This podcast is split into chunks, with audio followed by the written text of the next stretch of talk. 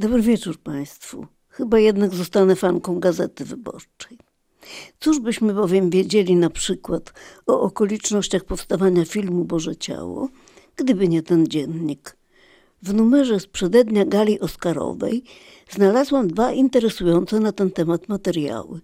Przede wszystkim wywiad Doroty Wodeckiej z Elizą Rycembel, odtwórczynią roli Marty, nagrodzoną w Gdyni jako najlepsza aktorka drugoplanowa upokarzająca rozmowa o zarobkach.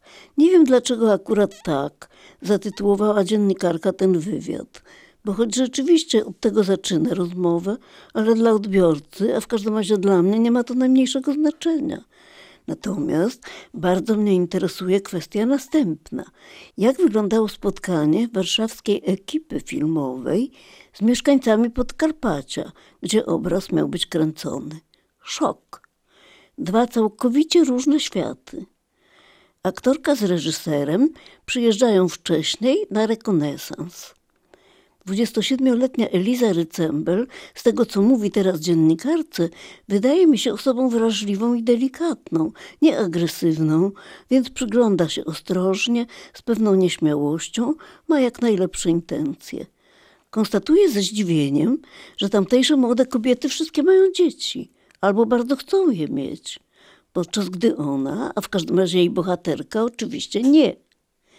Zainteresowała ją zwłaszcza pewna osoba dużo od niej młodsza, z dwójką dzieci, studiująca zaocznie prawo.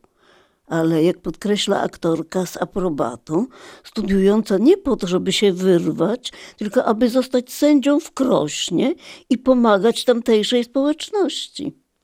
Była liderką tej grupy, ocenia Eliza Rycembel, ale nie nadobecną i ekstrawertyczną, tylko spokojną, słuchającą i ingerującą we właściwym momencie. Poczułam, że moja bohaterka powinna ją przypominać. Koniec cytatu. Natomiast porozumienie w innych sprawach wydaje się niemożliwe. Tu aktorka z pewnym poczuciem wyższości przyznaje, że nie umie się porozumieć z ludźmi, dla których wiara jest tożsama z Kościołem. I pyta retorycznie, dlaczego nie rozmawiać o tym, jak wiele Kościół wyrządził zła, o krucjatach, kolaboracji z nazistami, pedofilii, jak głęboko ingeruje w ludzkie życie. A w tym momencie jej rozumowanie staje się dla mnie trudne do przyjęcia, bo wyemancypowana dziewczyna z muranowskiego blokowiska, jak ją nazywa w którymś momencie Dorota Wodecka, zaczyna operować straszliwymi stereotypami. Szkoda jeszcze, że nie mówi o inkwizycji i paleniu czarownic. No i tu naturalnie chciałoby się jej odpowiedzieć, a dlaczego natomiast nie mówić, ile przede wszystkim dobra wniósł Kościół do historii człowieka i ciągle je wnosi. Toż dnia by na to nie starczyło, a cóż dopiero wątłych ram gazetowego wywiadu. Eliza Rycember z wyższością jednak patrzy na młodzież z jaślisk. Obracam się, powiada, w środowisku ludzi, którzy potrafią sprecyzować swoje duchowe potrzeby. Ale młodzi ludzie z miejscowości, gdzie graliśmy Boże Ciało, chodzą co niedzielę na msze, bo ich rodzice i dziadkowie chodzą stoją na zewnątrz, traktując ją jako czas, w którym się mogą spotkać, ale to wpajany obowiązek. I jeżeli nie masz dostępu do innego modelu życia, to pozostajesz w tym, w czym zostałeś wychowany, mówi współczująco i z lekka protekcjonalnie. A z jakimi środowiskami ona ma do czynienia? Jestem osobą introwertyczną i lubię samotność, mówi dziennikarce Dzielę moją niespełna dwudziestometrową norę z Beniem. Benio to oczywiście przygarnięty piesek, bardzo zresztą miły kundelek, z którym się sfotografowała dla Gazety Wyborczej. Co do mnie, jestem od niej więcej niż trzy razy starsza, ale nikt mi nie powie, że to może być szczyt marzeń dwudziestosiedmioletniej, ładnej, wykształconej kobiety, artystki, gwiazdy filmowej, kandydatki do Oscara. Należy do niezależnej grupy teatralnej Potem o tym, mówi aktorka w innym miejscu wywiadu. Staramy się rozpracować tematy, z którymi boryka się współczesny młody człowiek. Przeraża nas to, czego nie znamy. Strach idzie w parze z niewiedzą. Zajmujemy się ostatnio tematami cyberrelacji, a także uzależnieniem od pracy czy seksu. Zastanawiamy się, czy w dzisiejszym świecie jest miejsce na miłość i jakie formy ona przybiera. Przyglądamy się minglom. Komu? pyta dziennikarka. Parom, które nie mają wobec siebie żadnych oczekiwań, ale lubią razem spędzać czas, uprawiają seks, choć nie są w związku ani się nie przyjaźnią. Reżyser Marcin Zbyszyński mówi nam o swoim pomyśle na spektakl. Rozmawiamy o naszych doświadczeniach i z tych rozmów powstaje tekst pisany pod nas. Hm. Chyba nie mają czego zazdrościć tym młodym, wykształconym z wielkich miast, tacy na przykład mieszkańcy Jaślisk czy innej wsi podkarpackiej, gdzie kręcone były poprzednie filmy z udziałem Elizy Rycembel, która opowiada teraz o okolicznościach towarzyszących powstawaniu filmu Nina w reżyserii Olgi Hajdas. To film o środowisku LGBTQ, in vitro, surogatkach, czyli o próbie posiadania dziecka siłami pozabiologicznymi. Grupa statystów, która pojawiła się na planie, miała problem z tematem. Niektórzy pytali, czemu przykładam rękę do tej dewiacji. Odpowiadałam, że ani w temacie, ani w mojej postaci nie widzę żadnej dewiacji. Byli też tacy, którzy nie mogli ogarnąć, że mężczyzna ma się całować z mężczyzną, nie chcieli grać. Olga w końcu stanęła na środku i podziękowała wszystkim, którzy mają problem z tematem, nad którym pracujemy. Część osób wyszła, część została przed klubem. Klauzula sumienia na planie filmowym to już tak głęboko sięga? Zdumiewa się Dorota Wodecka, 52-letnia dziennikarka, która mogłaby być matką Elizy, ale która widać już tak nasiąkła relatywizmem swojego, naszego zawodu, że dziwi ją prostolinijność statysty, który nie uczył się przecież jak aktor zawodowo udawać kogoś innego, głęboko skrywając swoją prywatność. Poza tym w tak sformułowanym pytaniu podświadomie sugeruje, że kategoria klauzuli sumienia to coś dynamicznego, co rośnie w naszym czasie i naszej przestrzeni, rozszerza się, sięgając wyżej, niżej, głębiej i że ktoś to praktykuje w swoim autentycznym życiu. Niektórzy, głównie radykalnie siedemnastolatkowie, próbowali ze mną rozmawiać o biblijnej apokalipsie, mówi aktorka. Ale mogłam co najwyżej powiedzieć, że się z ich poglądami nie zgadzam.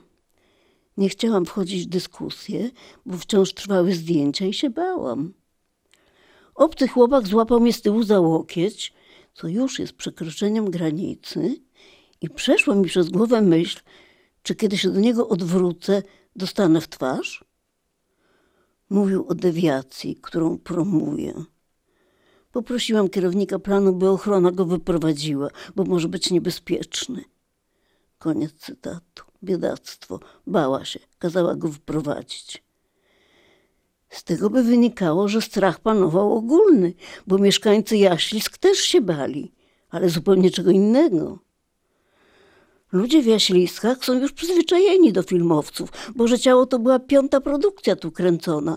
Mówi w innym artykule z tego samego numeru gazety Sebastian Szałaj, zaprzyjaźniony już z ekipami miejscowy współpracownik, złota rączka, odpowiedzialny za różne sprawy logistyczne i techniczne, także aktor amator, cwany gość. Jednak tym razem nastawienie do ekipy było niewiadomą, mówi. Nikt nie czytał scenariusza, ale każdy słyszał, że w centrum uwagi jest Kościół. Ludzie się bali, że zostaną wyśmiani jako wierzący. Uspokajałem ich, opowiada Szałaj. Jego spisana z nagrania Jędrzeja Słodkowskiego opowieść jest cennym uzupełnieniem obrazu. Jeszcze wtedy wydawało się, że zdjęcia w kościele będą kręcone w jaśliskach, ale biskup się nie zgodził i dobrze. Kościół był świeżo po renowacji, tak na bogato. Nie fajnie byłoby, gdyby grawitacja Bartka Bieleni została zaburzona przez to bogactwo. A w Prażmowie Podpiasecznym, gdzie wnętrze jest skromne, wyszło idealnie. Dobrze się też stało z innego powodu. Byłem na planie w Prażmowie, a plan filmowy to jest hałas, bieganina. W którymś momencie Janek stanął na środku kościoła i mówi: Ej, chłopaki, to jest kościół, uszanujcie to miejsce i zdejmijcie te czapki. No, ale i tak był niezły chaos. A to w szczelnice przesuwali, a to dym puszczali. Ja nie wiem, co to znaczy, ale podejrzewam, że palili papierosy. Bartek Bielenia się oblewał wodą święconą. Wieczorem po piwie ksiądz Marek Grygiel, który był konsultantem do spraw religijnych, mówi mi: Seba, jak ja się cieszę, że nie kręcimy tego w jaśliskach. Proboszcz chyba zszedłby na zawał, gdyby zobaczył, co tu się wyprawia. A w Prażmowie ksiądz dał klucze i powiedział, że wraca za kilka dni. No proszę Państwa, ja uważam, że to jest bardzo cenne, choć bardzo bolesne i haniebne świadectwo. A dlaczego na przykład to ten ksiądz konsultant jeszcze przed reżyserem nie powiedział, ej chłopaki, to jest kościół, co? I kto tu został bardziej sprofanowany? Panna Rycembel, którą obcy chłopiec złapał za łokieć? Czy przybytek modlitwy, gdzie puszczano dym, a główny aktor oblewał się wodą święconą? Więc kto miał podstawy, żeby się bardziej bać? I kto powinien był zostać wyprowadzony na zewnątrz jako niebezpieczny? Kto bardziej przekroczył dopuszczalne granice, wyrządził więcej zła?